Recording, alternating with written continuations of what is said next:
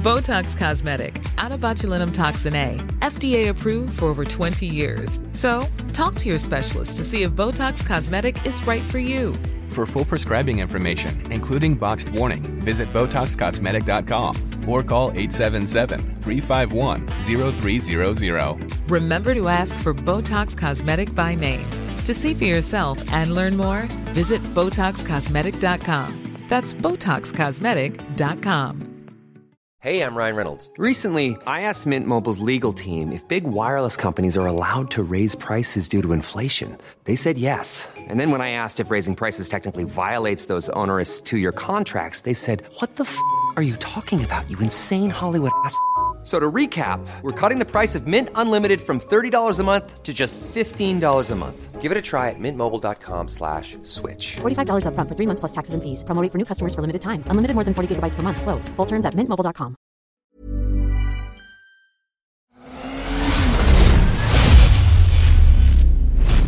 MC-podden. Du lyssnar på MC-podden. Jag heter Johan Ahlberg. Och jag heter Mikael Samuelsson.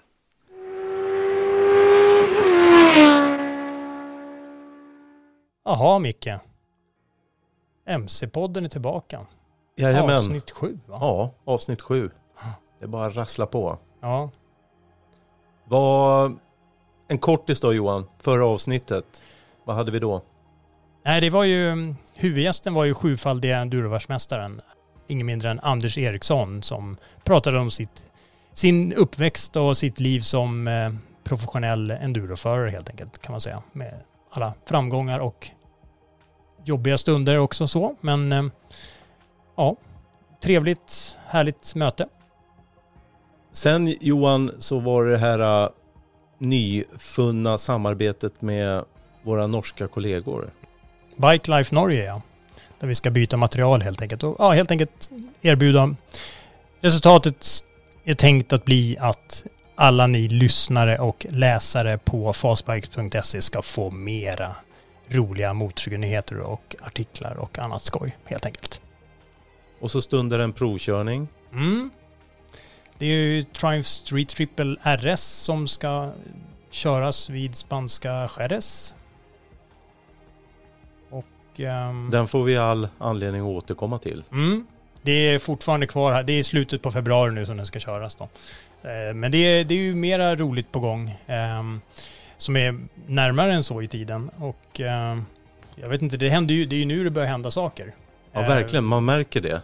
För nu, nu börjar det, som man säger, braka loss med alla supercross-race och det är eh, ja, i USA och sådär. Och sen är det ju MXGP drar igång också snart och sen så drar ju MotoGP har ju redan börjat rulla igång med tester och sånt.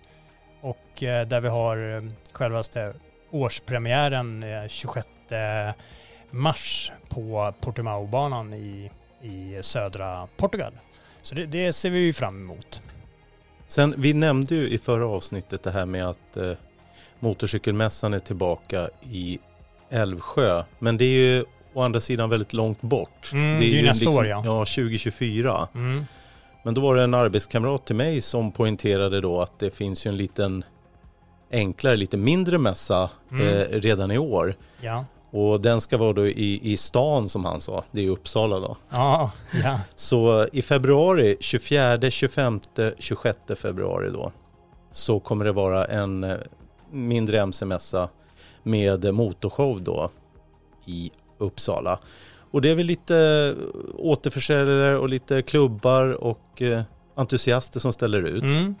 Ja, jag såg lite, det var lite stuntuppvisningar och lite annat sånt där spännande. Så att Helt det kan ju rätt. vara intressant eh, nu så här när man är lite hungrig, så att säga. Ja. Lite sugen på att klämma och känna kanske på eh, nyheterna. ja visst. Och så måste vi ju nämna då att den kommer ju även till Halmstad.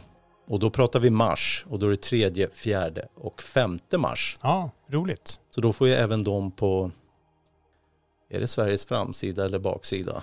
Ja, det, Det, vi- lämnar det där. vi lämnar det. Och drar vidare till att vi måste ju även passa på att nämna då att motorcykelbranschens provkörningsevent Start to Ride är ju tillbaka.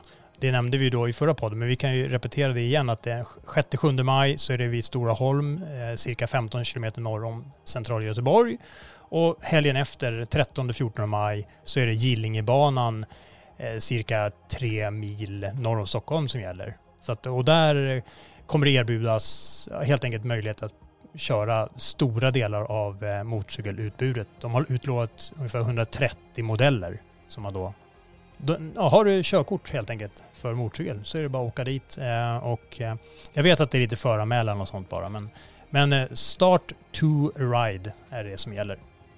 Sen, sen drömde vi oss bort och, och listade en massa hojar som vi pratade lite om och sånt Mm. som vi skulle vilja provköra. Och det känns ju som att vi skulle kunna prata i, i tre avsnitt om det, för det Ja. finns väldigt mycket hojar. Listan är lång och blir bara längre och längre kan man väl säga. Mm. Men Micke, sen vet jag ju, det ligger ju väldigt närmare, närmare i tiden här nu. Helt enkelt, det är ju bara en vecka bort egentligen från att det här avsnittet eh, så att säga publiceras eller sänds, eh, premiärsändningen. Och det är ju helt enkelt eh, att uppe vid Årsunda utanför Sandviken så körs ju det här eh, Land Racing, så här Speed Weekend. Eh, där man helt enkelt har riggat, gjort banor ute på isen. Och man ska helt enkelt försöka köra, bräcka massa rekord. Ja, det är alla möjliga, allt, alla möjliga ekipage kan vi kalla det som ska, Alltså det är alla möjliga hojar. det är inte bara hojar, det är allt från sparkcyklar med motorer till motorcyklar, eh, bilar, eh, snöskotrar, ja, allt som kan röra på, flytta på sig, på säga. Okej. Det är ett riktigt eh, motorevent, men det brukar gå jäkligt fort helt enkelt. Och eh, det är ju framförallt jättemycket motorcyklar med också. Och jäkligt coola bilar. Så, att, um, så det kan vara värt ett besök om man uh, har möjlighet att vara där. Och det är alltså 24-25 februari som gäller. Och för dig som vill veta mer så är det landracing.se som gäller. Så att det, det, jag vet, eh, historiskt sett så har det varit jäkligt uh, fartfyllt och häftigt att se. Kul. Mm. Men eh, nu hoppar vi in på detta avsnitt. Ja, Vad har vi framför oss i avsnitt sju? vi återupptar ju Gissa hojen där vi kommer att spela upp lite ljudklipp, tre ljudklipp för att vara exakt. Eh, med lite, ja, där man helt enkelt ska försöka gissa vad det är för motorcykel man hör. Och Mm. eh, där vi avslutningsvis kommer att komma med facit.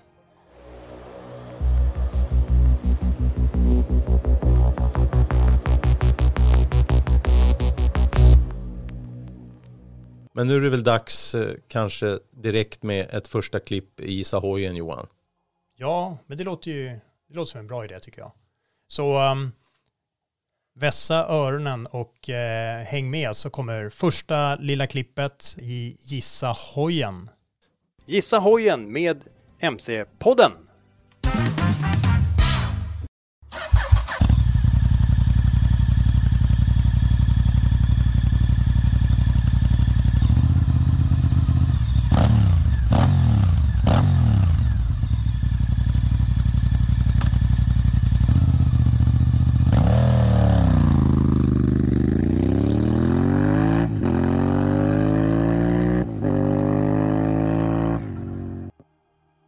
Och där var första klippet av Gissa hojen. Hoppas ni alla lyssnade noga. Kan vara svårt så här i början, men det kommer två klipp till innan vi avslöjar facit. Det är ändå, har man lite motoröra så är det ändå ganska uppenbart vad det är för typ av motor skulle jag säga. Så man är ju en bit på väg. Sen finns det ju väldigt många hojar att välja på. Men den, den sticker ut lite grann skulle jag våga påstå. Okej. Så att, ja. Och så efter andra klippet lite senare så kanske vi kommer med någon ytterligare ledtråd då. Ja. ja. Johan, lite tidigare i något avsnitt här, kommer inte riktigt ihåg eh, när det var i tiden. Men eh, då nämnde du det här med att man kanske skulle planera sina resor som man vill göra i år. Mm. Kanske till sommaren och sådär. Börja liksom planera lite. Eh, kolla över med kompisar, söka ledighet från jobbet. Börja upprätta någon packlista etc. Är du sugen själv på att resa eller eh, du kanske inte har tid med det det här året eller vad, vad säger du? Jo, men eh, det var ju som vi pratade om där då i ett tidigare avsnitt att det jag känner i år som blev någon slags, jag tror det var ett nyårslöfte från min sida, var ju att jag ska eh, planera mer resande i eh, Sverige, Norge och, och Finland. Inte minst för att det är så fantastiska länder att uppleva och så, men att jag faktiskt i ärlighetens namn har gjort det lite för lite med tanke på att man ändå lever här. Så att eh, jag har ju varit ute i vida världen och kört mycket, men, men här hemma saknar jag fortfarande några platser som jag vill uppleva med motorcykel. Så att, För när jag pratar med dig så är det så här att du, du har ju fått resa mycket i jobbet. no. Ja, men jag menar ju mera privat. sådär. Ja, precis. Och då är frågan, eh, finns det plats för det? Liksom? Har, har du tid med det och dra en sån resa? Eller Ja. är- är det ditt löfte? Ja, det, det finns i, i plan att jag ska göra det. Och ehm, förutom en sväng till, eh, i alla fall till Norge, så, så har jag några sådana där grejer som jag skulle vilja göra i Sverige som jag tänker att jag kan återkomma till. Och eh, jag blev lite inspirerad ska jag säga när jag såg den här eh, helvetesresan med Mattias Ernholm. Då såg jag lite hur man kan blanda eh, motorcykelkörningen med att göra lite andra roliga grejer också. Så att det inte bara blir att sitta på hojen och stressa till nästa ställe för att sen bara stressa vidare utan att man verkligen gör de här avbrotten. Det, det tänker jag att det, det ska bli av i år. Lite sådana här roliga grejer. Och eh, vi har ju en, eh, en tjej, en influencer, som är eh, ute och kör rätt mycket hoj måste man väl säga. Och på Ja. rätt coola platser. Och det är väl eh, Hanna Johansson. Vad har du att säga om henne Johan? Jo men ni som har sett, just för att tjata om den då, Helvetesresan, fick ju lära känna henne lite grann där, för hon var ju med där. Och ehm, man märkte ju att hon hade erfarenhet av att vara ute och resa mycket, för hon var ju den som kanske var, jag ska, inte- ska inte säga hårdast av dem alla, men hon var liksom coolast eh, av alla, skulle jag våga påstå. Man kör till man är framme, brukar man säga. Och den, det levde hon efter ganska mycket. Hon har ju varit ute och snurrat runt i världen sedan 2017, helt på egen hand. Eh, alltså utan sällskap. Det är möjligt att hon har träffat folk ibland och så, men hon har varit ute och kört helt själv. Eh, jag vet att hon har kört lite mer än 9000 mil nu och besökt eh, 76 länder. Och då ska jag låta det vara osagt ifall det inkluderar Thailand, där hon är i detta nu. Okej. Och eh, eh, vi har ju mm, fått tag på henne där, så vi, vi kommer att ta ett litet, vi, vi kommer att snacka lite med henne snart här. Så att, eh, Ja. Men, men innan, innan vi gör det eh, Johan så vad, vad kör hon för hoj? nej men så vitt jag vet så hon hämtade ju ut en eh, Bonneville T100 där i Bangkok och sen har hon ja, helt enkelt brakat mer eller mindre norrut. Ehm, och senast jag kollade var hon ju i eh, väldigt norrut i Chiang Rai-regionen och eh, jag har själv varit där och kört i de eh, omgivningarna och det är ju helt underbart. Där har vi eh, det här speciella stammarna bland annat med, som ni säkert har sett, med sådana här halsringar så de får längre och längre halsar. Ja. Och där ligger även i västra delen upp mot Myanmar eller Burma så ligger ju även Thailands högsta berg. Ehm, ja, hela den, det är fantastisk, eh, fantastiskt landskap och vänliga människor och eh, vackert och ja, slående natur överallt. Så att jag förstår att hon njuter. Men eh, så att det är, ju- när man tittar på hennes bilder, hon är ju en väldigt duktig engagerad fotograf också. Det tycker jag är riktigt roligt. Det är ju extra bonus när man följer henne på hennes Instagram-konto. Så... Men det, det, det är ju väldigt vackra bilder Johan. Mm, Och Instagramkontot heter hanna.c.johansson för den som är intresserad av att gå in och titta på lite bilder Mm. och bli lite inspirerad faktiskt. ja. Man blir ju väldigt inspirerad. Hon har ju väldigt vackra eh, färggranna bilder och sen så om man tänker på att hon är själv så, Ja. så ser det ut som hon har en drönare med sig också och tar lite, Mm. ah, lite jag vet att hon har drönare och hon har eh, wifi uppkopplad kamera kopplad till sin iPhone och ja men hon är idérik och hon, men hon lägger ner stor möda på att få till de där rätta bilderna och eh, det är verkligen man blir rejält eh, sugen på att dra ut och köra när man tittar på de här bilderna. Så att det, är väl värt ett besök. Så kanske det är du som drar iväg på din drömresa när du minst anar, höll jag på att säga. Men, eh, Och kanske till och med hamnar i podden. Så vi man får vet höra aldrig. hur det gick. Precis. Men du, eh, ska vi inte släppa in Hanna och höra vad hon har att säga då? Jo, vi tar och slår henne en pling. Får vi se var hon, var hon är någonstans.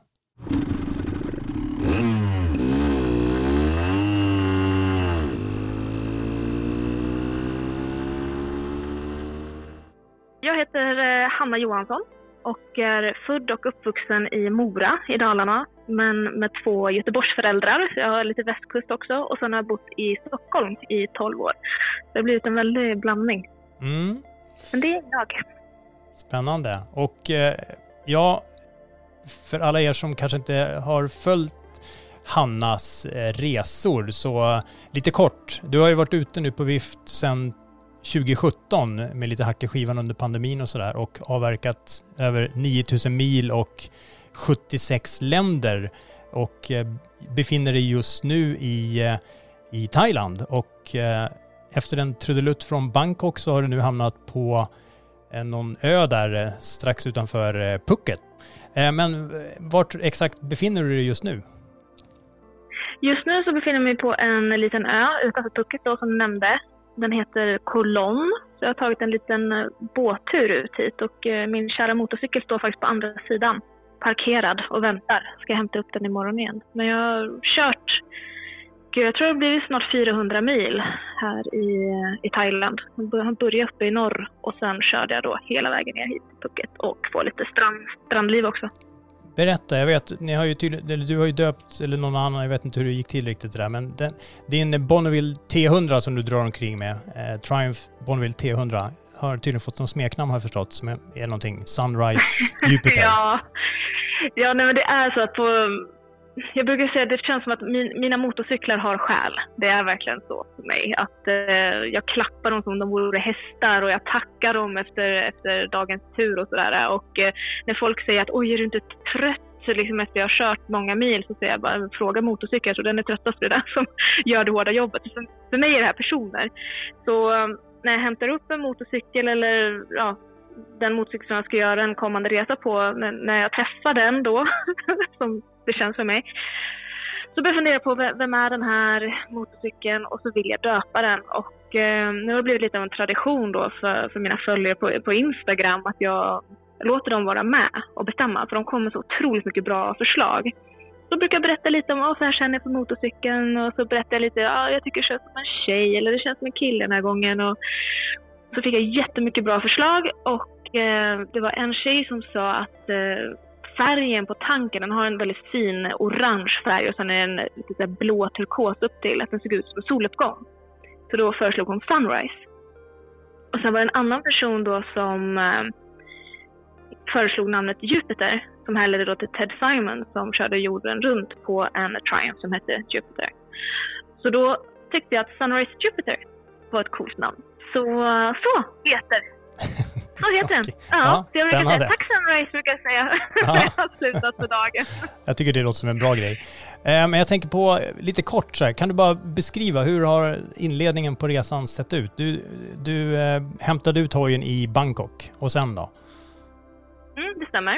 Så jag hämtade ut den i Bangkok, eh, körde runt där i två dagar och eh, sen så för att ja, lära känna motorcykeln lite grann då så drog jag norröver.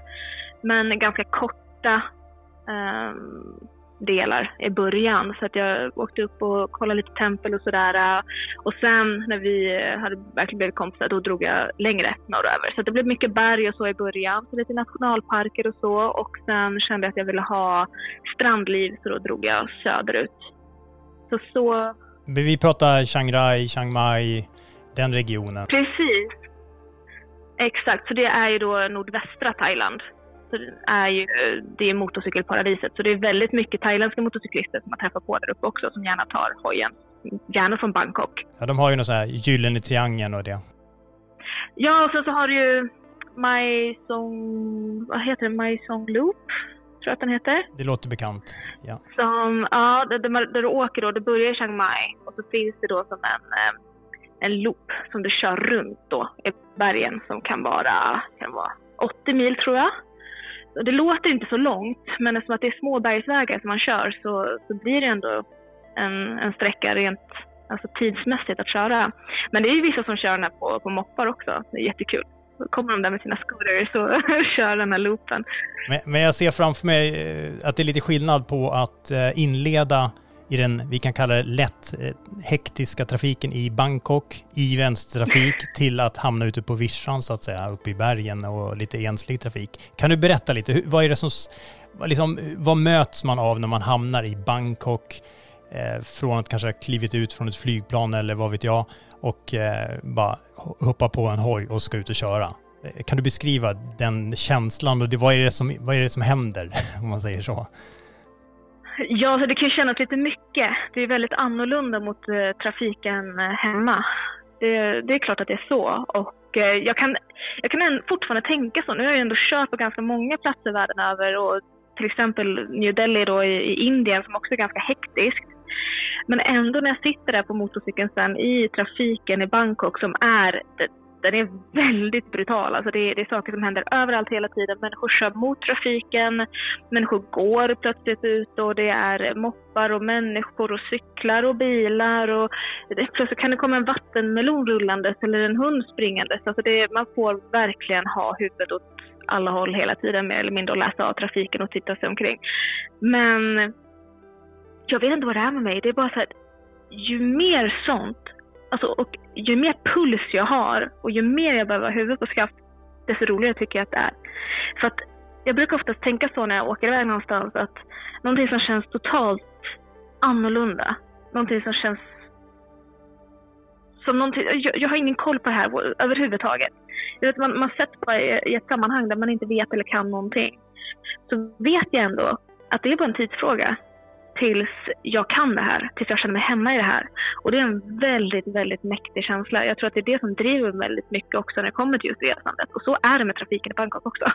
Det är att köra på vänster sida till exempel, det, jag tycker man kommer in ganska snabbt i det.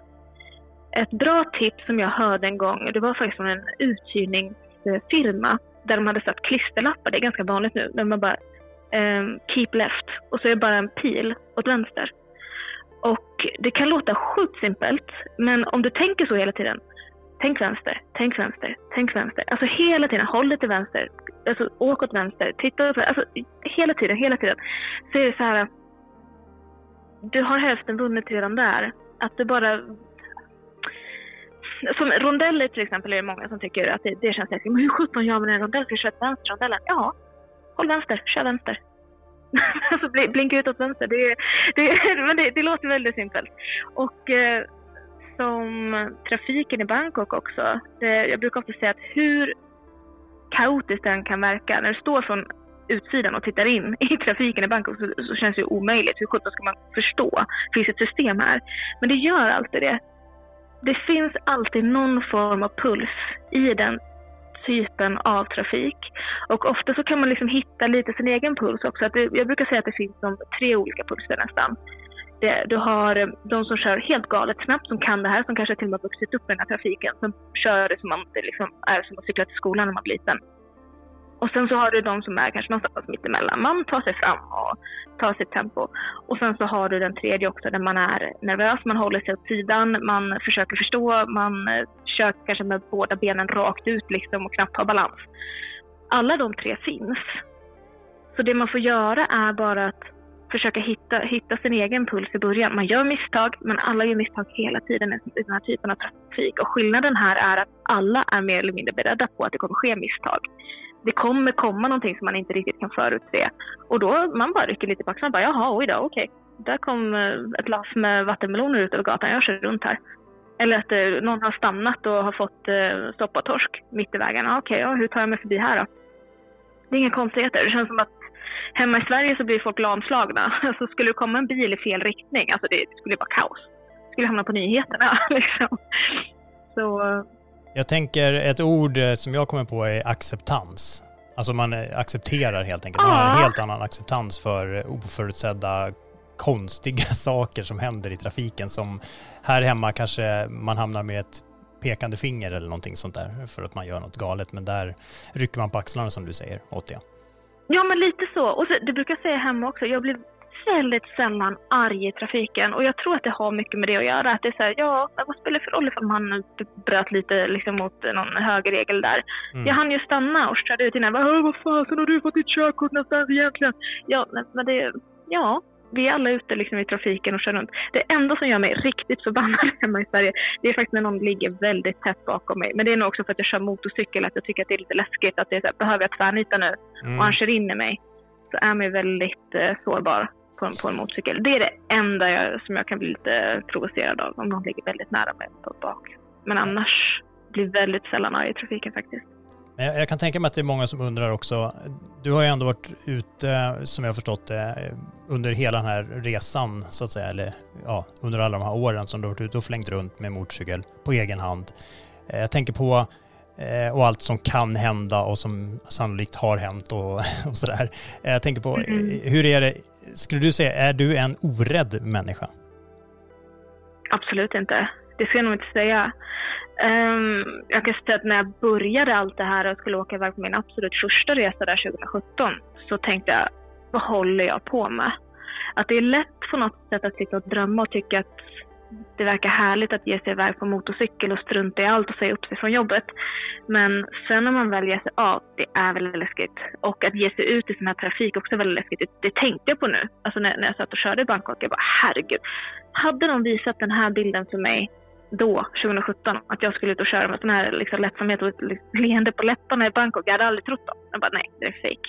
det är Photoshop. Det, det stämmer inte. Så att, eh, men allting handlar om erfarenhet. Och många människor sa till mig i början att eh, du är för oerfaren, du kommer aldrig klara av det här. Och det jag svarade dem då var bara att, men hur, hur får man erfarenhet då? Det är ju inte genom att sitta hemma i alla fall, utan du, du måste ge dig ut och göra de här sakerna.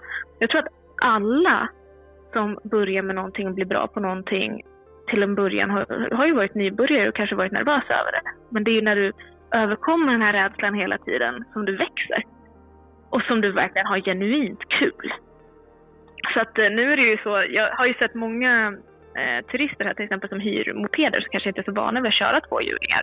Och de, de, det, är som, det är som Bambi på hal is, de tar sig fram och de ser helt vettskrämda ut. Och jag blir så varm i hjärtat för jag tänker, de har ändå gjort det här de har sett trafiken här. De, de, har valt att gå och hämta ut den här mopeden och nu, nu vinglar de iväg här och de kommer säkert, de övervinner en rädsla. De kommer ha superkul. Förhoppningsvis kommer de komma tillbaka och inte alls liksom vingla utan bara komma superstabilt tillbaka sen.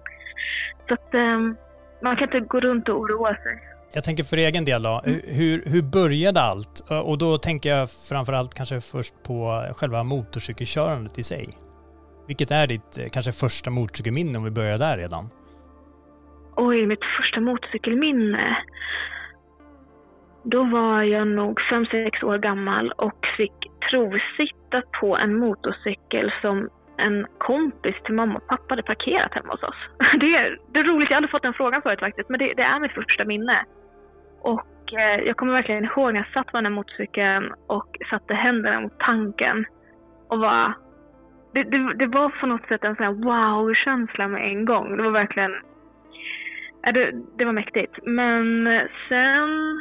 Mamma har ju kört mycket motorcykel. Hon tog mc-kort när hon var i 20-årsåldern med FMCK. Så det fanns ju alltid, även om hon inte hade motorcykel just då när jag var liten, för då hon la det på hyllan där ett tag då när hon blev mamma med min bror. Och pappa har aldrig kört. Eh, och sen fick jag för mig att jag ville köra motocross när jag var, ja, kan jag ha varit då? åtta, nio år kanske. Men då trodde mina föräldrar att det var, det var någon fas jag var inne i. Och det var lite för dyrt tyckte de också, eftersom det då var en fas. Så jag fick börja spela innebandy istället. Men eh, det, det var också kul och eh, blev faktiskt ganska duktig på innebandy. Så det, och har många kompisar kvar från den tiden. Men sen, när jag fyllde 17 där man får börja övningsköra, så hade mamma också tagit upp intresset igen och kört lite själv sedan några månader tillbaka och skaffade en till motorcykel till mig som jag också fick börja övningsköra på. Och då tog det fart på riktigt. Då var jag väl, vad är det man är, 17 år och 9 månader tror jag i Sverige för att få börja med att köra tung. Så att, eh, eller var det mellan jag körde, jag minns inte. Någon Kawasaki ER6. Eh, jag körde. Så mamma lärde mig då att eh, ta mig fram på den här Kawasakin utanför villan i Mora, fram och tillbaka. Och sen så åkte vi ut i trafiken tillsammans och där var det bara Eh, efter de gångerna, den sommaren, så var det att jag hade bara ett fokus. Jag skulle ha mc-kortet, så var det bara. Jag visste, jag såg mig själv på en motorcykel. Det var liksom nästan viktigare än bilkörkortet.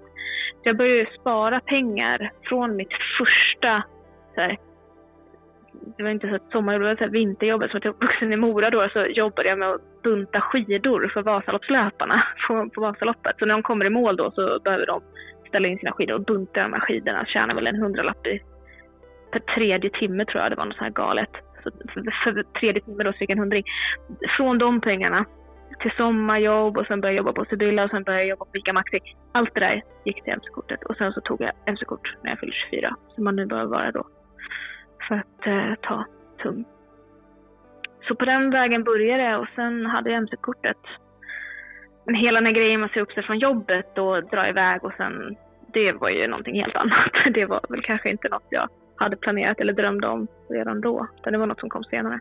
Men eh, berätta, hur, hur kom det sig då? Jag tänkte på, hade du någon slags, var det bara någon fix idé kan vi kalla det, eller var det en långsiktig plan att, att du skulle liksom dra iväg och vara ute länge på, med, med motorcykel? Eller var det bara tänkt som något tillfälligt litet hojsemesteräventyr sådär eller? Jag trodde ju aldrig i min vildaste fantasi att det skulle gå så här bra, att jag skulle sitta så här så många år senare, utan det var nog så att jag läste mycket om, om personer som hade ja, följt sina drömmar när det kom till resandet och se världen. Det var mycket det det handlade om först. Jag älskar att resa. Jag älskar att upptäcka. Alltså det, så har det varit sedan jag var barn. Alltså jag, jag är den här personen som rymde genom ett fönster när det egentligen var sovtimme på dagis. Alltså det var, då var jag borta. Då hade jag liksom hoppat ut genom fönstret och stuckit in i skogen och klättrat i träd. För det tyckte jag var roligare än att sova. Liksom. Så det där har alltid funnits i mig. Eh, tyckte att det var superkul att sticka iväg. Så... Ehm, men sen så, det är ju på något sätt, du blir inpräntad att du ska göra dig en karriär, du ska fixa en egen bostad. Så jag gjorde väl allt det. Jag flyttade från, från Mora till Stockholm och började jobba. Till slut så satt jag där vid ett skrivbord, jobbade med marknadsföring, hade fixat min, e-, min egen bostad, hade min bostadsrätt. Och så bara var det som att det var någonting som bara slog ner i huvudet på mig. Jag bara kände att det, kan, det, kan, det här kan inte vara allt. Och det låter jätteklyschigt och kanske lite bortskämt till och med. Jag vet inte, men det var... Jag bara, det här kan inte vara meningen med livet. Det här kan inte vara allt. Ska jag gå nu till samma plats varje dag, samma tider? Det är någon annan som bestämmer för mig när jag får och inte får vara ledig. När jag får sticka iväg och göra det jag verkligen vill och inte. Och det var inget fel på mitt jobb. Det var jättekul. Superutvecklande. Men jag kände att det jag drömde om fick jag bara göra fem veckor om året och kanske ibland på helgerna. Det var då jag planerade det som jag egentligen ville göra med mitt liv. Resten gick åt till att, till att ja, bygga någon annans företag, vilket för mig kändes helt orimligt. Och eh, samtidigt också så var det många som sa runt omkring mig, men jag fick höra historier om personer som kanske numera satt på ålderdomshem, att de önskade att de hade tillbringat mer tid kanske med familj eller att de hade gjort, gjort annat än att jobba helt enkelt. Och eh, mammas sambo hade börjat få problem med höfterna. Han älskar att köra motorcykel. Han sa till mig att jag önskar att jag hade gjort det här, men att jag hade hälsan i behåll. Eh, så det var mycket sånt. Jag tänkte okej, okay, jag har mig själv att se efter. Jag har ekonomin, jag har hälsan. Varför gör jag inte bara någonting? Så eh, då stack jag till USA ett halvår och pluggade engelska. Jag var alldeles för nervös för att prata engelska för. Och CSN hade precis godkänt att man kunde ta studielån för, för språkresor utomlands. Så jag tänkte perfekt. Då kan jag ta tjänstledigt, sticka iväg, kolla vad det här faktiskt handlar om. Bo någon annanstans, göra någonting annat, få lite distans. Och där, eh, då hade ju MC-kortet färskt också. Och tänkte jag, jag måste hyra motorcykel här. Så gick jag till en så Eagle Rider, heter det, i San Francisco. En stor, så här, enorm hall bara. En jättestor amerikansk flagga i taket. Och det är fullt med Harley Davidsons överallt. Jag går runt där inne och bara... Alltså det var, det var som en lekplats. Det var helt otroligt. Och inne i ett hörn, lite dammig, så står det en Triumph Bonneville. Och jag pekar på den och bara, den där vill jag ha. De bara, va? Den? Jag bara, ja, den här vill jag ha. Och sen körde jag då Highway 1 på, på den här Bonnevillen.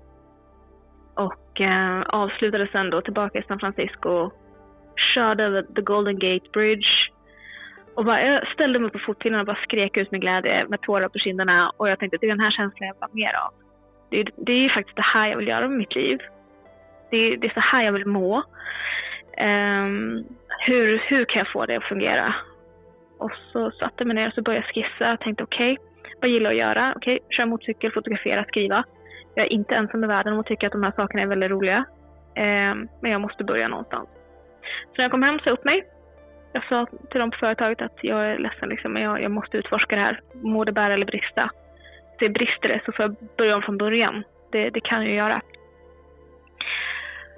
Så jag tog mina sista sparpengar då och köpte en Triumph Bonneville eftersom att det var en Bonneville jag hade haft en så himla fin upplevelse med i San Francisco där. Och eh, lyckades landa ett frilansjobb där jag redigerade matbilder. Tjänade mellan 7 och 9 000 i månaden på det.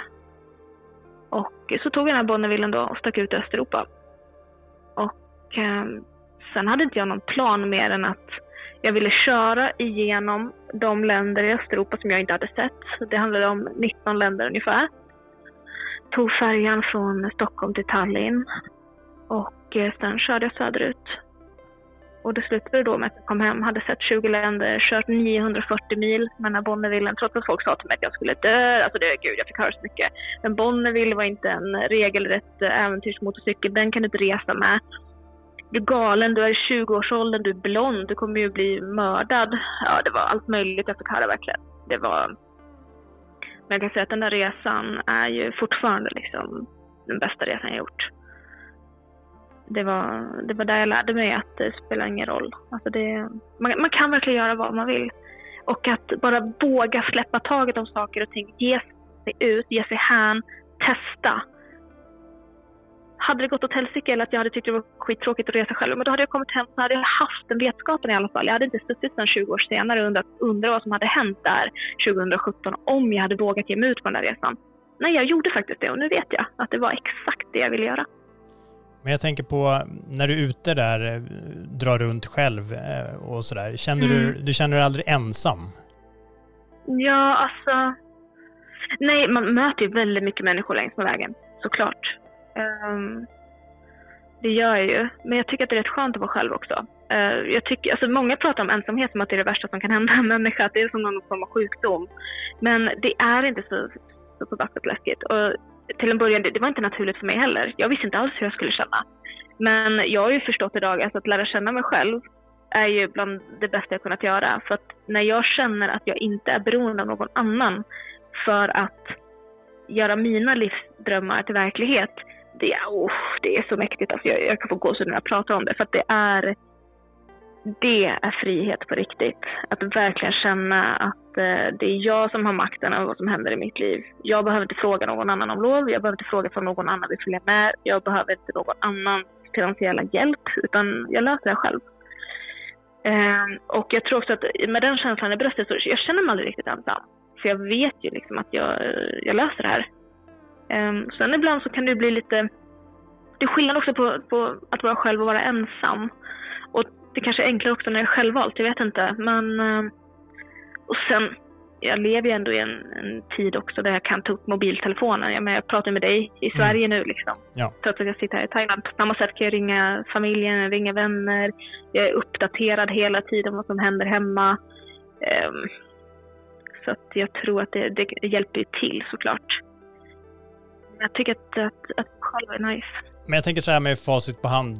Du är ju inte klar än, så att säga. Då. Men vi kan kalla det att du har facit på hand nu efter att ha kört motorcykel under så många år i världens, mm. många av världens länder.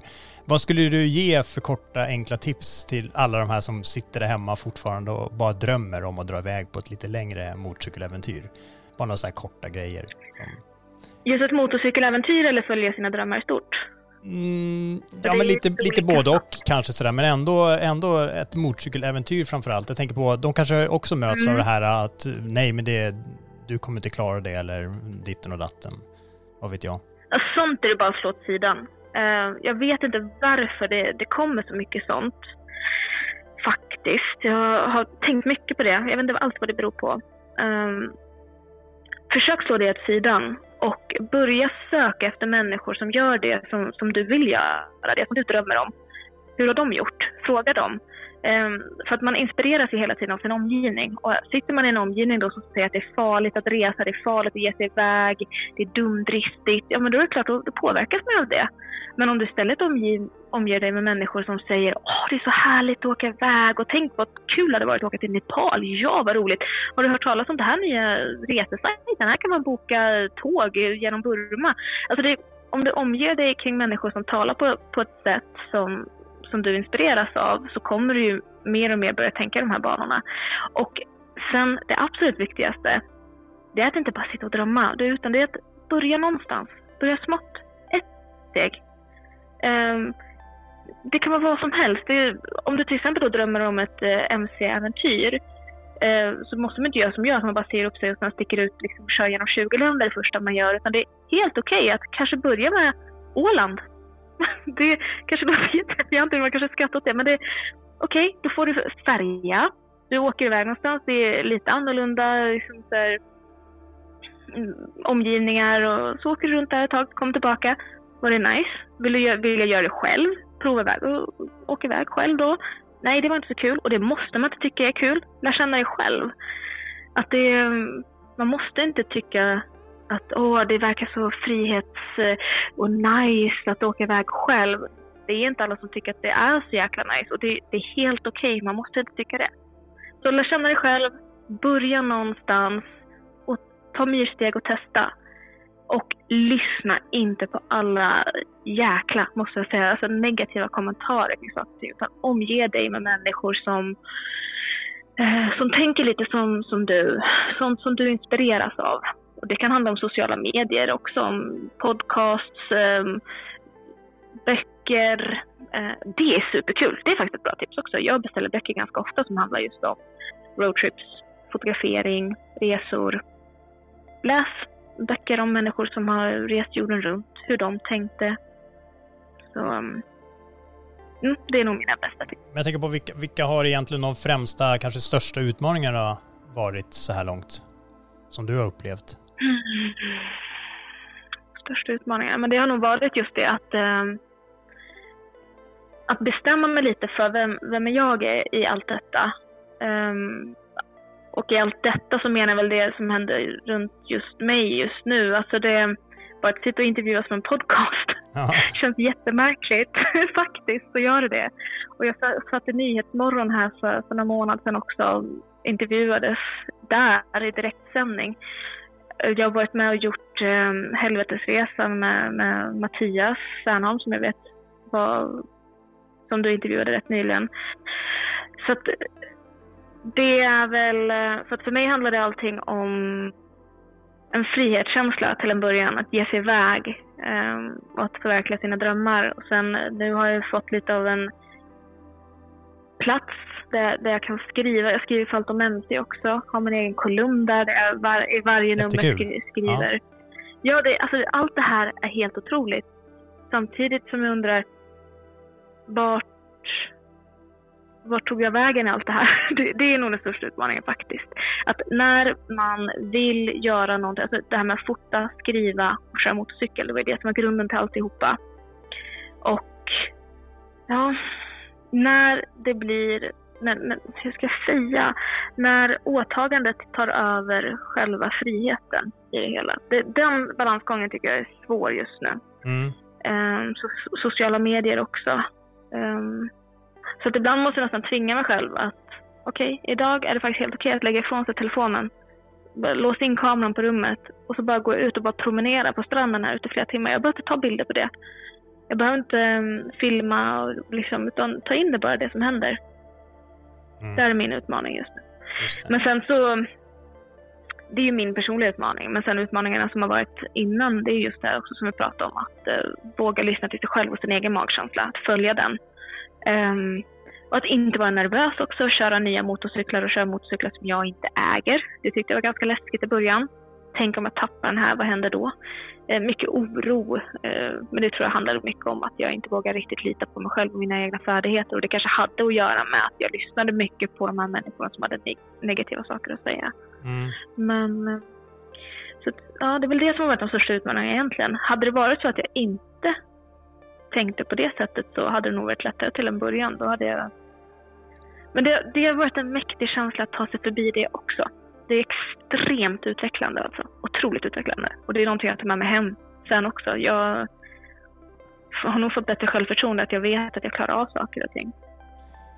Men Hanna, jag, nu är ju du där på kolonn och det är ju i närheten av eh, där eh, tsunamin eh, drabbade många. Eh, och jag vet att du är en av dem som var där när det inträffade. Och jag tänkte, så det, jag tänker Thailand har ju ändå en väldigt speciell plats i, i ditt hjärta. Jag vet inte om du kan berätta lite? Ja. Absolut. Alltså det är ju en stor anledning till att jag valt att göra den här resan som jag gör nu. Um, det, 2004, den 26 december, så inträffade ju då tsunamin här i Thailand. Och jag och min familj befann oss på Kamala Beach, som ligger på Phuket. Och eh, jag tror att det är ju en händelse som säkert har format mycket kring hur jag tänker kring att vilja ta vara på livet, förverkliga drömmar och att inte ta någonting för givet. Jag kan säga att det var inte många som varnade oss innan vi åkte till Kamala Beach och skulle åka på familjesemester till Thailand. Så jag tänkte att det är ju safe och bra. Um, men saker och ting kan hända, eh, var du än befinner dig. Och just den händelsen, att befinna sig i katastrofens eh, epicentrum, vilket vi verkligen gjorde. Vi befann oss ju bara några, vad kan det vara, 50 meter från stranden, 100 meter från stranden och sånt. Eh, på andra våningen i ett betonghus, tack och lov. Eh, det huset la jag händerna mot och klappade och tackade faktiskt här nu, bara för två dagar sedan, vilket var väldigt mäktigt. Eh, men att då så, se vad som kan hända och sen komma hem. Det är klart att det formar en människa på ett sätt. Och de existentiella tankarna som jag hade när jag kom hem, de var ju ibland svåra att hantera faktiskt för, för en tonåring. Um, och stundtals fortfarande kan de vara svåra att tänka tillbaka på. Liksom, man ställer sig mycket frågor kring varför mitt liv kanske... Det var inte alla som överlevde den här katastrofen, men jag, jag överlevde och var, var jag skyldig till egentligen, mer eller mindre, att göra med mitt liv nu. Sådana tankar har jag haft. Sen är man såklart inte skyldig till någonting så, men jag känner ändå att jag har fått en chans att göra någonting med det här nu. Så då vill jag göra det. Och att Thailand just som land har fått en väldigt speciell plats i mitt hjärta, det, det är ju på grund av det här, allt jag lärde mig då. Och eh, när man, som, som jag sa, när man befinner sig i katastrofens epicentrum så är det att alla blev som en familj där på något sätt. Att det spelar ingen roll vilken ålder man hade, varifrån man kom, eller vad, vad som hade hänt dagen innan eller åren innan. Vi var alla i det här tillsammans. Vi alla var rädda tillsammans. Vi alla var ovetande som vad, vad sker nu tillsammans. Eh, jag var 14 år som sagt och det kom upp en kvinna till mig som var eh, 40-årsåldern. Hon hade vaknat i sin säng utan kläder och allt hade spolats bort. Hon hade ingenting, varken på kroppen eller kvar.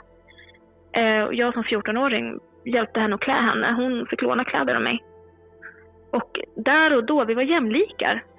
Ehm, och att det är också någonting jag har lärt mig. Så när jag är ute och reser så känner jag väldigt ofta så att vi är jämlikar.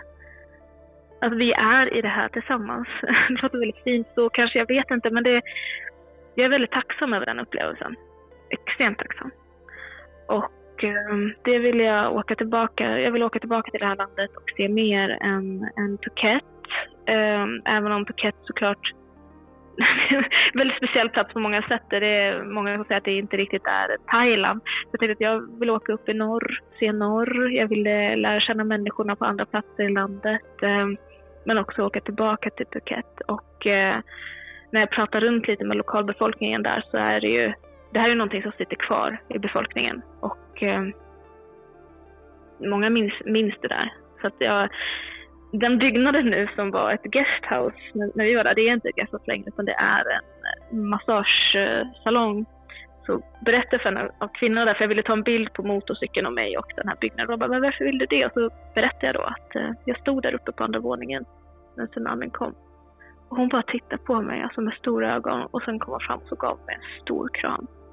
Och bara höll mitt ansikte liksom och bara kramade mig igen. Och ehm, så det, det är någonting som sitter kvar och det, det är ett speciellt band. Som jag idag är tacksam för. Mm.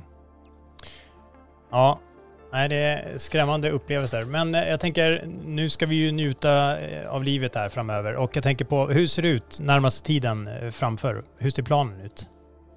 I... Planen? Alltså jag gillar egentligen inte att ha så mycket planer. Nej. det är det jag tycker är så härligt med livet, att bara kunna göra saker lite som jag känner för. Det är ju det bästa med att resa själv också, att jag bestämmer ju allt själv. Precis mm. hur jag vill, när jag vill, vad jag vill och så gör jag verkligen bara exakt det jag känner för. Eh, jag har ju åkt till Sydostasien nu på en enkelbiljett. Jag har rest runt i Thailand nu i tre veckor lite drygt. Ska väl resa runt två veckor till i alla fall. Ska börja ta mig uppåt snart igen mot Bangkok. Sen får vi se. Kanske, det blir nog Malaysia, Filippinerna. Jag har inte varit i Laos, så dit vill jag åka också. Mm. Så vi får se. Det blir nog lite blandat. Lite, lite flyg, lite tåg, lite motorcykel. Mm. Lite så som jag gillar att resa runt. Men någon egentlig plan finns nog inte mer än att jag ska åka över vattnet här igen imorgon och hämta upp stackars motorcykeln som står parkerad här på andra sidan. Ja. Utgången. Ja, min lilla Sunrise. sunrise ja. Nej, det låter ju onekligen fantastiskt härligt och det är ju med lite avundsjuka eh, som jag säger de orden kan jag säga. Men eh, jag tänker, för att övergå till något lite annat då. då eh, mm. Finns det något som du tror att de flesta inte vet om dig? någon liten hemlig talang som kanske döljer sig där? Åh oh, gud vilken svår fråga. Mm. en hemlig talang. Ja. Jag är jättebra på Mario Kart tv-spel. Är det så? Men det, ja, ja. jag är tvärbra. Eh, och jag och en av mina bästa tjejkompisar, Louise, vi brukar väldigt ofta spela tv-spel tillsammans. Vi brukar ha tv-spelskvällar. det, det, är nog inte många som tror. Men eh, ja. Och eh, hon är också sjukt duktig och en gång klodde jag henne och då sa hon att hon aldrig någonsin igen i hela sitt liv skulle spela Mario Kart. Men eh, jag har fått henne på banan igen. Dock någonting som kanske inte är så överraskande är att jag alltid är Peach på motorcykel när jag spelar Mario Kart. Mm, jag vet inte om det... Ja, det, låter som en, det tycker jag låter som en hemlig talang, definitivt. Något annorlunda. Och jag tänkte så här att vi ska avsluta med en grej som jag brukar kalla för tio snabba. Och eh, det är helt enkelt, du får två alternativ och du får bara välja ett. Inga utsvävningar så här som politiker och sånt brukar hålla på, utan okay. bara rakt på. Ja. Det är inga konstigheter. Okej, okay. jag, ska, så, jag ska göra mitt bästa. Jag, jag, är skitdålig på det. Jag brukar nästan alltid fråga, ja ah, men det beror ju på, det beror ju på om Aha. Men jag ska försöka nu. Vi, vi, mm. vi kör, så mm. ser vi var vi landar. Tio snabba med Hanna Johansson. Tvåtakt eller fyrtakt? Mm, tvåtakt. Bensin eller el? Bensin. On eller offroad? On. Kick eller elstart? El. Stark eller smidig? Smidig. Enkelkuts eller bönpall? bönpall. Men jag tycker det är kul när, när någon vill sitta bakom ju. Alltså jag tycker verkligen det är jättekul när människor är intresserade och vill bli skjutsade. Men inte under en längre period. Så jag, svär ut i alla fall. Jag sa att jag skulle göra det. Ja, men det är... ja, okay. ja. Ensam. Mm. Ja. Skinn eller textil? Textil. Muller eller dämpat? Oh, muller. Wheelie eller stoppie? Willy. Och nu den sista frågan som är lite annorlunda. Lägga en lakrits eller äta en lakrits? äta en lakrits. Och sen då, jag måste i alla fall fråga, sanning eller myt? Att resa och uppleva världen eh, kan ju bli som en drog. Där du bara vill se och uppleva mer och ännu mer. Mm, det är sant. Är det en bra, är det en bra eller en jobbig eh, sanning? Tycker du? Det enda som gör att det kan vara lite jobbigt ibland är att man ständigt känner sig lite rastlös. Mm. Det är det enda. Jag tänker, jag tänker också att eh, när jag är ute och reser att man vill ju liksom bara se mer och mer och mer och man inser att jag kommer inte hinna se allt som jag vill se. Lite så. Nej, men det är just det jag menar med rastlösheten. Ja, ja. Man känner att tiden är knapp och det är så mycket man vill göra. Ehm, så är det absolut. Ja men vad kul. Men eh, Hanna, jag tackar så mycket och eh, önskar dig stort lycka till på eh, din fortsatta ja, rundtur i Thailand till att börja med, med Sunrise Jupiter. Tack så jättemycket Johan, det var superkul.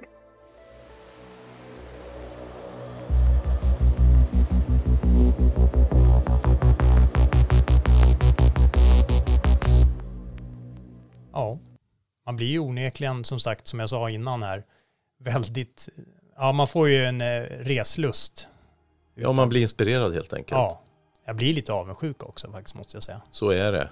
Men i, i dagens vardag med, med jobb och sådär, det, det, det krävs ju något speciellt för att åka iväg själv sådär Mm. och, och liksom ta den ledigheten och den fritiden. Jag, jag Ja. blir imponerad av, av Hanna. Hon, jag vet ju att hon eh, under pandemin här så tog hon ju en anställning. Men efter ungefär ett halvår så sa hon upp sig. Bara för att hon kände att nej men det här är inte jag. Jag ska ut och se världen igen. Så, att, så jag vet att hon hade ett, ett ja, helt, det var ju ett påtvingat avbrott kan vi kalla det. På grund av att det var ju nedstängt i, överallt i världen. Mm. Så, så ingen är nog gladare än Hanna över att eh, världen har öppnat sig igen och så. Men eh, nej, det är riktigt häftigt och inspirerande. Och, men alltså, några av mina bästa motorcykelminnen, det är ju eh, helt enkelt när man har varit ute på spännande platser. Alltså det är ju på något sätt, en del kanske tycker det, är, det roligaste de vet är att köra på en bana med en motorcykel, oavsett om det är en motocrossbana, en endurobana eller en roadracingbana eller en speedwaybana eller vad det är. Eh, där och då så är det en extremt häftig adrenalinstinn upplevelse. Men att uppleva världen med motorcykel, om man jämför det mot, mot att eh, ta en tur med bilen eller någonting sånt där, via fasa, eh, så är ju det något helt annat. Man får ju, man trycks ju, man, alltså man får ju i sig dofter och synintryck som är helt outstanding, som är på ett helt annat sätt. Och du nämnde ju Sverige tidigare Johan. Mm. Det är klart att, att Sverige är vackert och sådär. Men, men det är också en speciell känsla av att vara i ett annat land. Och, och få uppleva en, en annan kultur, ett annat väder, eh, en annan trafik, annan miljö, allting. Så att, eh, det finns ju många resor och vi har väl all anledning att, eh, att återkomma till kanske egna upplevelser från egna resor. Mm. Och det går ju inte alltid som tänkt, som till exempel, jag vet när eh, du drog iväg eh, till Kroatien. Ja. Och det, vi kan kalla det, det sket sig redan innan du ens kom dit. Ja, precis. Eh, Den resan vart ju allt annat än... Ja, den vart ju bra till slut. Det blev ju ingen helvetesresa. Men den fick eh, en, en märklig start och nej, vi, vi, vi får återkomma till den. Det, det blir en liten story i sig, Ja. min eh, Kroatienresa.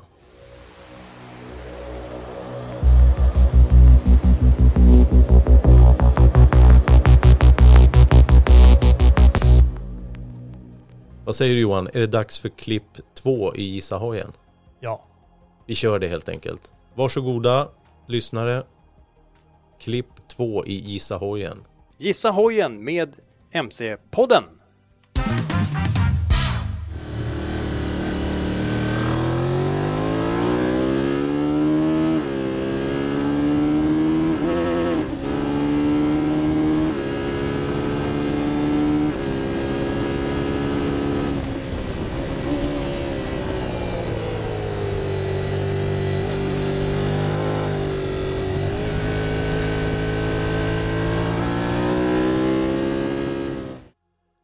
Och eh, ja, Johan, det var andra klippet. Mm. Ska du inte ge någon, eh, någon liten ledtråd? Jo.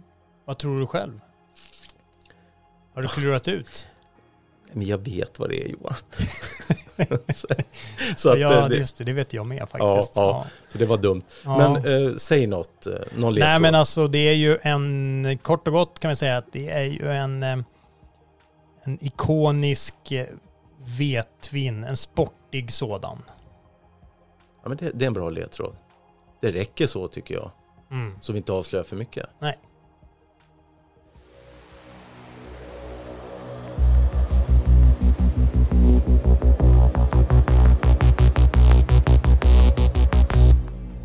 Johan, jag tänker så här, om man kör en liten tillbakablick i, i livet då eh, och, och drar sig till minnes första gången man skulle köra upp för 125 125 då började ju motorcykellivet så att säga. Vad minns du från den tiden och vad minns du från din, eh, från, från din övningskörning och så där lite kring 125 Alltså, I en tidigare, jag tror det var, om det var avsnitt ett eller två, så pratade vi just om det här eh, när ja, våra motorcykelintressen och hur det kom sig att vi började köra hoj, kommer jag ihåg. Men eh, eh, som i mitt fall då, eftersom jag inte hade någon bakgrund, jag hade ingen familj eller släkting eller någonting som körde motorcykel, så blev det per automatik så att jag efter att jag hade bestämt mig för att jag skulle ta det där motorcykelkörkortet så blev det ju körskola. Så jag kontaktade Ellströms trafikskola i Upplands Väsby som då slängde fram en DT 125 till mig där. Och så drog vi ut och um, utforskade ja, norrort kan vi kalla det. Men till en början så var vi, höll vi till på en liten, eh, en liten stripp kan vi kalla det, en liten asfaltsträcka som fanns liksom inbäddad uppe i ett ställe som heter Rosersberg som ligger i närheten av Arlanda flygplats. Och ehm, där i alla fall höll vi på och harvade. Och jag måste säga att jag blev extremt ehm, envis och hängiven. Så faktum är att innan jag tog körkortet så köpte jag en motorcykel. Och eh, jag fick hjälp att ta mig dit med hjälp av min pappa. Och sen höll jag på och nötte och nötte och nötte. För det, eh, er som har körkort vet ju alla de här krävande manöverproven som ja, man ska garagevändningar och slalombanor och bromsprov och sånt där. Så då i alla fall hur som helst så eh, när jag väl kom till uppkörningen så var jag så självsäker så att jag vet inte, jag har aldrig känt mig så självsäker i livet på att jag skulle klara någonting som jag gjorde där och då. Och jag hade liksom bestämt mig ungefär som garagevändningen till exempel. Så var det så att jag hade någon slags, jag minns att jag hade en målsättning att om jag klarar den åt vänster, låt säga 20 gånger på raken, ut med marginal, med lätthet och sen åt höger lika mycket liksom och alla de här grejerna utan ett misstag så kommer jag klara uppkörningen galant. Och det gjorde jag också. Men Johan, för de lyssnarna som inte vet vad en garagevändning är, mm. kan du beskriva den? Ja, eh, alltså... Den finns nog inte idag tror jag. Det kanske är så. Jag har för mig eh, det. Ehm, men man kan säga att man kan likna det med en eh, parkeringsruta för en bil lite grann. Och det är helt enkelt så att man på den tiden då så tog man motorcykeln, eh, du drog den rakt fram och sen bredvid hojen då så drog du ett, låt säga ett vitt streck säger vi. Och sen så eh, tog du styret och vred på det max. Fullt utslag. Fullt utslag. Och så Traskar du runt med hojen Traskar du runt med hojen och när du då var i 90 graders vinkel först så gjorde du en till linje. Och sen så när du sen eh, kom tillbaks i 180 grader kan vi säga på väg ut ur den här parkeringsrutan kan man säga, så drog man en till. Och sen fick man, om inte jag minns fel, lägga till lite grann och det var 5 cm eller 10 cm eller någonting. Jag för mig det också. Ja. Och då, då myntades väl uttrycket att det var som att åka in och vända i ett garage. Ja, precis. Och um, det här var ju lite trixigt också för, för en del motorcyklar, lite beroende på styrutslag. Ja, en del hade ju ja, lite varierande styrutslag åt vänster och höger, så man var tvungen att kolla, inte alla motorcyklar, de flesta har kanske inte så, men en del har ju eh, olika maxutslag så att säga. Så att, hur som helst så var man då tvungen att i låg fart så skulle man ju då klara av att helt enkelt väldigt långsamt tempo. Man klarar ju inte att bara köra igenom heller utan man måste ju. Min teknik var i alla fall att jag var nästan, jag var ganska trial inspirerad när jag körde upp kan jag kalla det. Så att jag la ner motorcykeln väldigt mycket, alltså vinklade den inåt och hängde liksom nästan som i knäveck över sadeln så att jag liksom rumpan var liksom ner mot om jag svängde ut vänster så var rumpan ner mot höger fotpinne nästan om ni förstår vad jag menar för att upphäva kompensera för tyngdlagen och Ja, sånt där. När, när, du beskriver för mig, jag vet exakt eftersom ja. jag har gjort ja. de där sakerna själv. Ja. Men det gällde liksom att hitta en snävare väg igenom så att du hade gott om utrymme. Och sen eh, eh, leka med kopplingen Ja, så att man inte får motorstopp och, och sätter ner foten för då var det kört. Ja. Du kanske fick prova en gång till om du hade en, en, en bra trafikinspektör, en, en glad Ja, trafikinspektör. ja.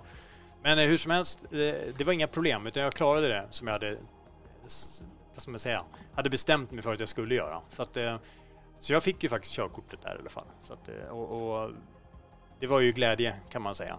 För sen blev det ju, jag var ju 16 år då och eh, eh, där och då så insåg man ganska snart hur livet snabbt förändrades. Eh, Man kunde ju dra till platser som man annars inte kunde sen tidigare. Så man, man, ja, man var ju helt fri att bara köra. Eh, Vad hade du för hoj då? Eh, då hade jag en Yamaha RD 125. Ja, det nämnde du ju tidigare också. Ja, Ja. och sen var det faktiskt så att samma sommar köpte jag en, en Suzuki också, en RG 125. Jag var egentligen, det var ju den jag ville ha. För den hade man ju hört, den var ju liksom värst. Sådär. RG 125, gamma. Gamma ja. Oj, hade du en sån? Ja, så, Häftigt. att, så att det, det var ju den man... Så ja, så var det med det. Eh, för min egen del så gick jag i körskolan i Spånga. Jag bodde ju där då. Och jag kommer ihåg att jag anmälde mig dit, eh, gjorde teorin, var ute och körde med min trafikskollärare som jag kommer ihåg hette Janne. I efternamn vet jag inte. Men eh, vi körde mycket där och det var en kompis till mig som bodde i närheten som jag umgicks med på den tiden. Han gick också på Spånga trafikskola. Och vi körde och körde och det är svårt att minnas exakt hur många körlektioner det gick åt. Men vi var ute, vi körde landsväg. Vi var ju också um, på en sån här stripp som du säger, övade. Även industriområden fick ju agera lite grann så.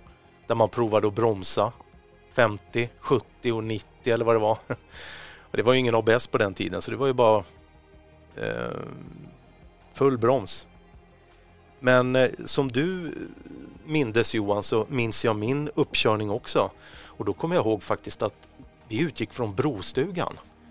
Och eh, vi, jag vet inte om vi var tre elever och jag vet inte vilken ordning vi åkte men det var jag och min kompis. Vi, vi körde upp samma dag. Du, du, du menar Brostugan eh, vid Drottningholm i Ja, exakt. Mm. Ja, den kända. För, för oss som är stockholmare så är det en, en, en känd mötesplats på, för motorcyklar på den tiden. Men där, där eh, körde vi upp i alla fall. Och jag åkte iväg och, och körde upp och jag, till skillnad från dig Johan, så var jag sjukt nervös. Jag tänkte jag, jag måste klara det här. Och jag körde ut och jag- ska vara ärlig och säga hur, hur det gick till. Eh, och det är så här att man hade ju en kommunikationsutrustning Eh, och eh, jag var livrädd för att svänga vänster i cirkulationsplats. Så när jag kommer till en cirkulationsplats och han säger så här, sväng vänster, den här uh, inspektören då. Då får jag panik så jag kör rakt fram. Och han säger då i headsetet, eh, jag sa att du skulle svänga vänster där. Och då svarar inte jag.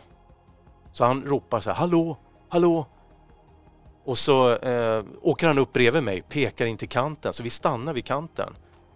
Och jag säger, jag hör inte dig. Jättepinsamt alltså. Jag, jag, jag, jag fick panik. Jag visste inte hur jag skulle göra. Jag var så, jag var så orolig.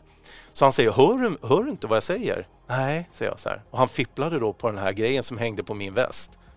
Och eh, jag... Eh, eh, han skruvar upp volymen och sen så bara säger han med bestämd röst liksom, hör du mig nu då?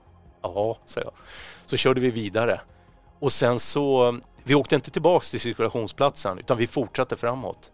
Och sen där vid, vid Alvik och sådär så är det lite, det är lite trixigt där för att det är en 50-sträcka som kan verka vara en 70-sträcka då. Så jag tror att jag körde aningen för fort där faktiskt. Jag, jag, jag, jag hängde med trafikrytmen och speedade på där lite grann. Men sen hur som helst, när vi hade kört ett tag så åker vi tillbaks till Brostugan. Och då kommer jag ihåg att Janne, min trafiklärare, kommer ju fram då. Och då säger den här killen då så här, ja det gick ju bra, eller den här inspektören, det gick ju bra. Men han körde lite fort eh, vid, vid ett ställe där. Och då tänkte jag, då är det ju kört. Om jag har kört för fort. Men han sa ju, han har kört lite för fort. Och då frågar han Janne, så här, brukar han köra för fort? Nej, säger Janne. Inte alls här. Nej, men då var det väl en engångsföreteelse då, säger han. Du är godkänd. Eller ja, han sa inte du är godkänd, det kanske de sa på den tiden. Och Janne slog mig på hjälmen kommer jag ihåg, så här. klant typ. Min kompis då, stackaren, han eh, klarade inte sin uppkörning. Och eh, det var ju synd för vi hade ju planerat att vi skulle åka ut tillsammans. Men jag kommer ihåg också att jag fick låna av en klasskompis en Kawasaki AR 125 om du minns den Johan. Eh, en sån fick jag låna och jag åkte där och precis som du beskriver Johan, den här frihetskänslan. Jag åkte till sent på natten, överallt och bara körde av mig och kände friheten att det är ingen som åker bakom, jag åker helt själv, jag åker dit jag vill. Men tyvärr var jag ju själv, men det, det är också en tjusning med MC-åkandet sådär. Så att... Men var det inte så att lite taskigt kan tyckas, men bland annat så innefattade den här körningen att köra fram och tillbaks framför din kompis som inte hade lyckats med körkortet den kvällen? Nej, nu kanske han lyssnar på det här. Det blir... Han var inte glad, stackarn. Eh, men jag åkte där eh, fram och tillbaks några gånger på kvällen. men, men, men, men det, det, som är bra är att vi åker ju än idag, han och jag tillsammans. En fantastisk person och eh, vi åker våra hojar tillsammans. Så det, det blev bra sen. Ja, han förlät dig. Ja, men Johan, en annan sak. Från 125 till tung MC på vår tid. Mm. Kommer du ihåg hur, hur, hur det var för din del? Ja, alltså det var ju likadant där. Det var ju en till uppkörning som gällde så att säga. Ja, för vi ska säga det till de lyssnarna nu som, som inte vet hur det var en gång i tiden. Men innan oss precis vi var ju liksom på gränsen, så var det som så att man fick ju tung MC automatisk. Mm, en viss ålder. Ja. När man blev 18. Mm. Eller hur Johan? Jo. Men då ändrade de ju regelverket. Mm. Så vi var väl tvungna att göra en uppkörning igen då för att ja. visa att vi bemötte. Hur gick? Kommer du ihåg hur den gick till? Ja, alltså tungt kort. Det blev ju en privat historia så att säga. Jag körde inte upp eh, via körskola den här gången och i det här fallet så blev det, vi utgick ifrån eh, Bromma flygplats och efter manöverdelen där då, den här som jag beskrivit tidigare redan med garagevändningar och broms och allt det där hette. Så efter att det lyckades så att säga, för det var det man fick börja med, då fick man bege sig ut och dra runt i trafiken. Och återigen, jag var väl förberedd. Jag hade nött och nött och nött. För det var, var det någonting jag inte ville så var det att misslyckas med dem. Jag tänkte att trafiken, det blir som det blir, men eh, om man liksom inte kommer ens till trafiken, då, då det får liksom inte hända. Så hur som helst, jag minns än idag hur jag faktiskt, jag var ganska, jag vet inte, jag måste vara ganska kaxig, för jag kommer ihåg att det var någon annan som kom fram till mig och sa Ska du köra upp? För då låg jag på saden, liksom lite så här nonchalant. Jag vet inte riktigt hur jag låg, men jag låg lite så snett och läste en dagstidning typ Dagens Nyheter eller någonting sånt. Eh, liggandes uppe på motorcykeln inför uppkörningen. Jag väntade liksom på att jag, det skulle bli min tur. Sådär. Så cool vill jag se ut eller ja. verka. Liksom. Coolt att läsa Dagens Nyheter. Ja, verkligen, verkligen. Jag hade kunnat sagt bike eller någonting sånt, men det, så var det faktiskt inte. Men hur som helst, jag klarade det där och så drog vi ut och körde eh, ut mot eh, Drottningholm och eh, ut mot Lovön och allt det där. Och vid ett tillfälle där så kommer vi till ett krön där det är en ridstig och då dyker det upp två tjejer på häst som så att säga korsar min väg och eh, jag stannar till för att liksom tänkte att jag måste ju föregå med gott exempel här och låta de här tjejerna passera över vägen då. då. Varpå den här inspektören som sitter i en bil bakom då, där även min pappa fick åka med. Men det här, det här är intressant Johan. Nu säger du faktiskt bil. Ja. Och det var ju faktiskt så, det kan vi ta som en anekdot bara, mm. för det hände precis på min uppkörning också, att inspektören får mm. åka bil efter MC. Just det. Det får inte trafikläraren göra, utan det var bara inspektören. Just det. Mm, intressant. Ja. ja, fortsätt. Nej, så han utbrast ju något i stil med att vad håller han på med? Eh, varför stannar han här? Eh, och det var ju då innan han såg att jag stannade på grund av de här hästarna så att säga. Mm. Och då blev det plötsligt, först blev det pappa beskrivit hur han liksom typ körde en tumme ner där i, vid ratten liksom så här och sen så blev det plötsligt en tumme upp då, då. så då var jag ju plötsligt godkänd igen då, då, när han förstod att det var för de här hästarnas skull som jag hade stannat. Ehm, ja, nej, men så att egentligen så ska jag väl säga att jag minns inte så mycket mer än att det, det, det ramlade på så att säga, så det blev ju ett körkort även där då. då. Så att, eh, och det var ju för att jag hade ju som sagt nött och nött och nött. Hade haft bra hjälp runt omkring mig med folk som ställde upp och jag fick övningsköra och sådär. Så att jag var väl förberedd. Så att jag tyckte inte att det var så svårt faktiskt. Men jag kanske bara hade tur och ingen aning. Men, ja. Och sen resten är historia eh, som vi får berätta mer om framöver här i kommande avsnitt av MC-podden. Om roliga äventyr vi har varit iväg på. Men du då Micke? Hur, hur eh, blev det för dig när du... För du fick ju också köra upp för det tunga kortet. Ja, exakt. Och eh, jag minns lite mer. Jag vet inte varför, men det sitter någonstans. Och det var ju så här att eh, jag kör också upp privat. Och då... Och jag fick ju lite panik när det där började närma sig. Vad ska jag ha för MC? Jag hade ingen tung MC. Så jag pratade med min pappa då. Han hade en arbetskamrat som hade en BMW R90 en orange. Och lyssnarna får väl googla helt enkelt. Den är ju inte vacker. Jag vet att det finns entusiaster. Jag ska inte stöta mig med entusiasterna här. Det finns säkert många som tycker att det är en, en vacker maskin och det må så vara. Men en BMW R90, en orange, den får jag låna och han fungerar som min handledare. Och jag vet inte Johan om du minns, men det skulle vara någon handledarbok som man skulle fylla i med när man hade gjort de här olika momenten och så skulle man ha med sig den på uppkörningen. Jag vet inte, känner du igen det? Nej, det har jag nog ingen minne av faktiskt. Så att, eh, jag vet inte, antingen så gjorde jag det eller så fuskade jag till med något. Jag vet inte. Nej, för i mitt fall så var det som så att jag, jag fixade en sån här bok och vi fyllde i han och jag tillsammans då, när vi skulle ha gjort de här olika momenten. Eh, hur ärligt det blev det och stämde överens, det vet jag inte riktigt. Men jag hade med sig den. Och så kom jag också till Bromma flygplats där och eh, skulle köra upp och det regnar Johan. Det, det spöregna. Och då kom jag ihåg, precis som du sa, eh, nu regnar det kanske inte när du körde upp, men han åkte i bil bakom.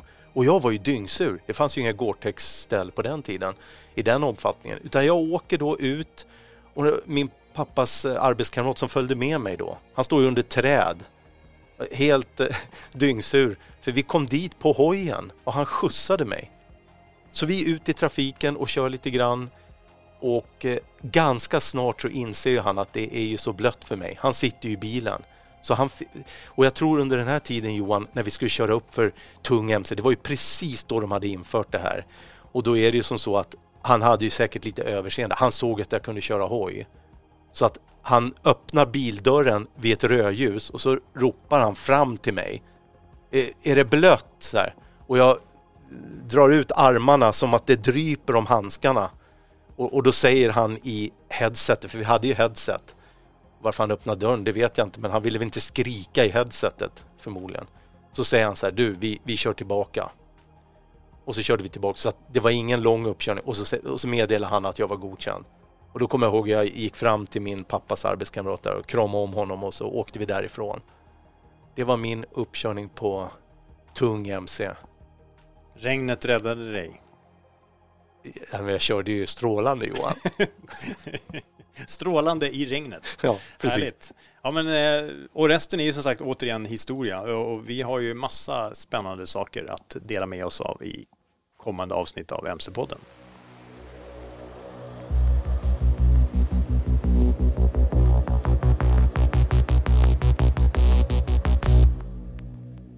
Ja du Micke, det känns som att det är tredje klippet i Gissa hojen. Grand finale. Ja, som man säger i Italien eller var det är någonstans. Gissa hojen med MC-podden.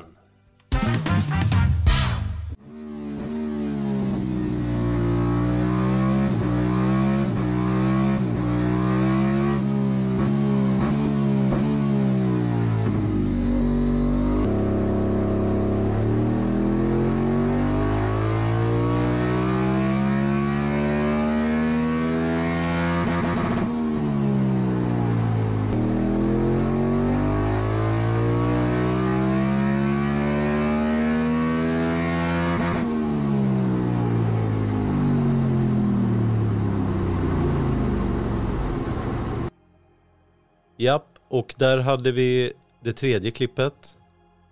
Och eh, nu Johan är vi ju spända Ja. på facit.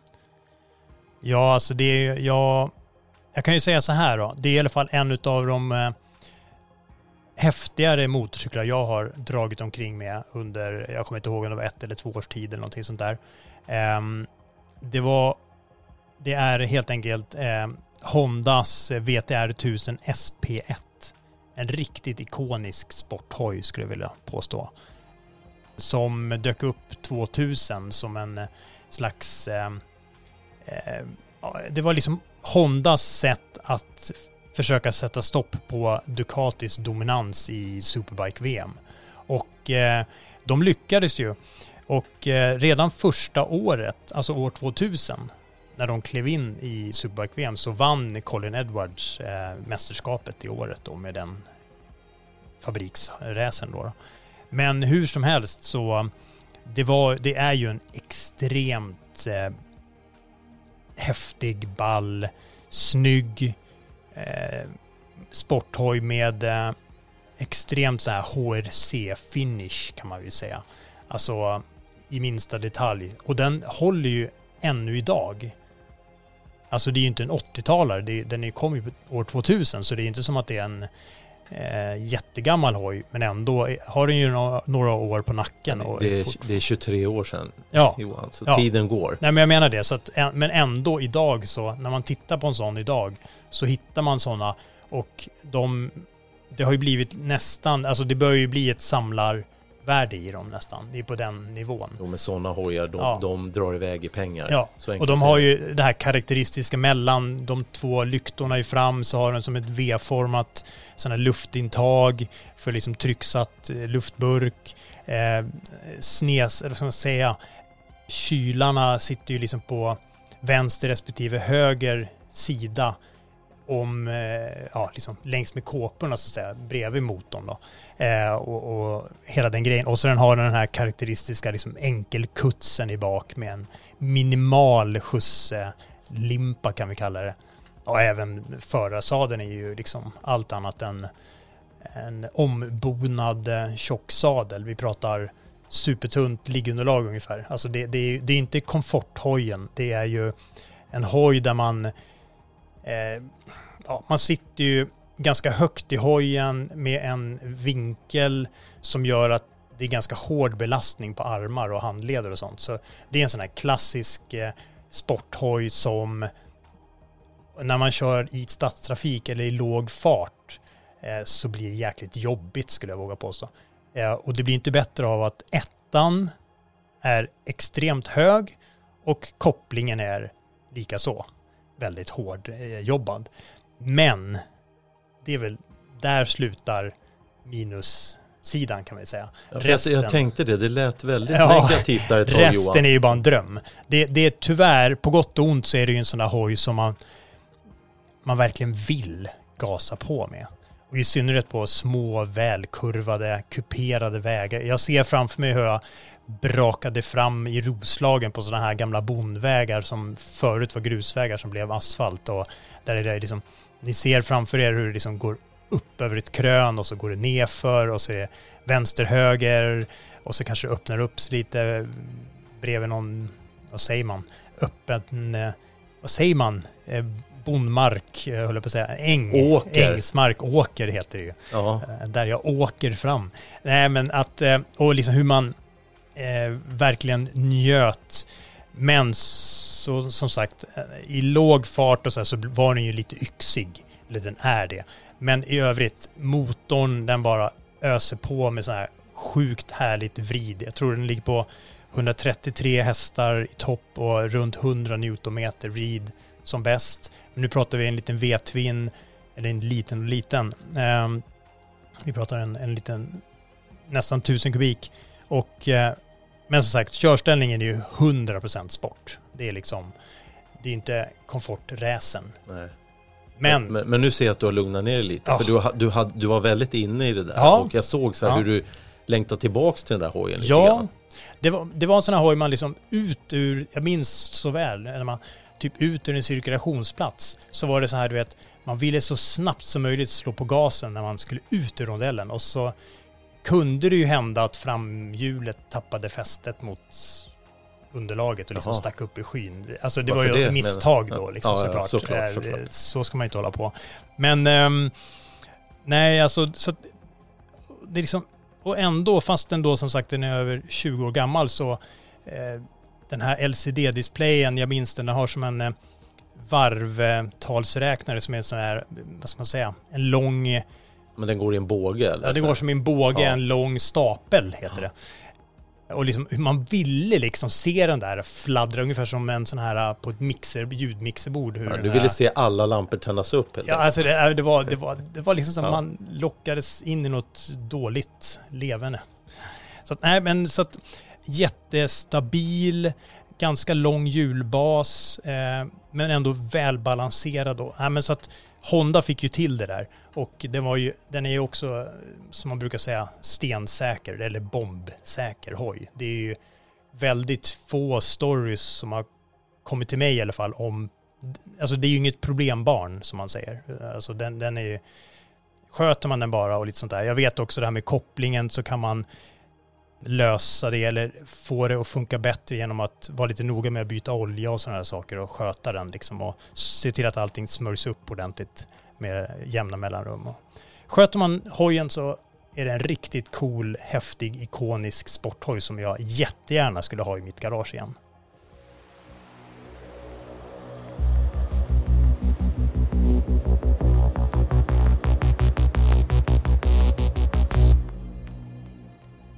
Ja, tiden går fort när, när man har kul Johan. Mm. Det börjar närma sig slutet på detta avsnitt sju.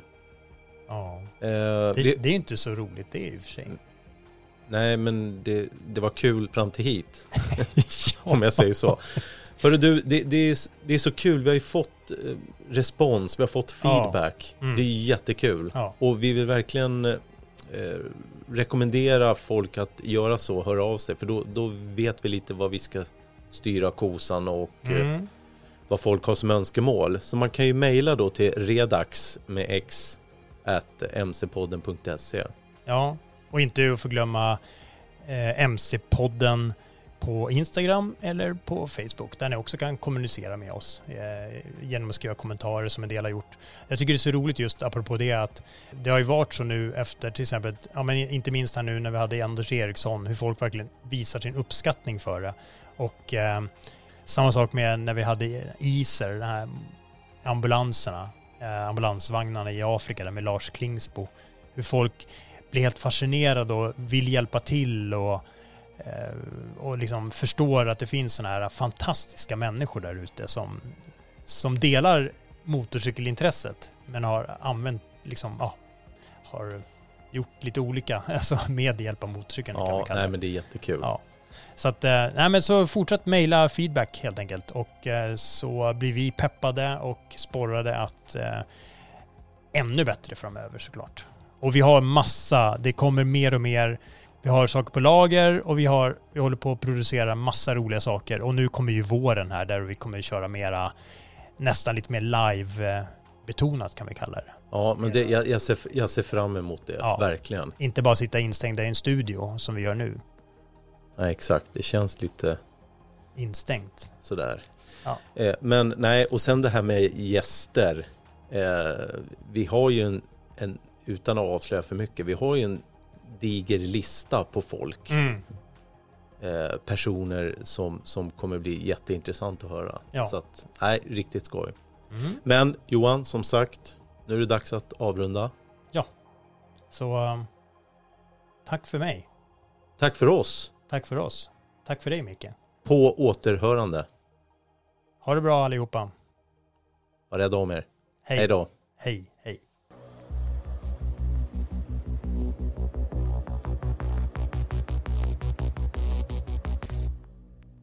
Du har lyssnat på MC-podden.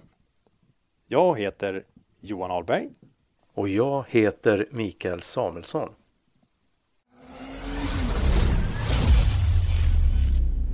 MC-podden. Botox Cosmetic, out of botulinum toxin A, FDA approved for over 20 years. So, talk to your specialist to see if Botox Cosmetic is right for you. For full prescribing information, including boxed warning, visit BotoxCosmetic.com or call 877-351-0300. Remember to ask for Botox Cosmetic by name. To see for yourself and learn more, visit BotoxCosmetic.com. That's BotoxCosmetic.com.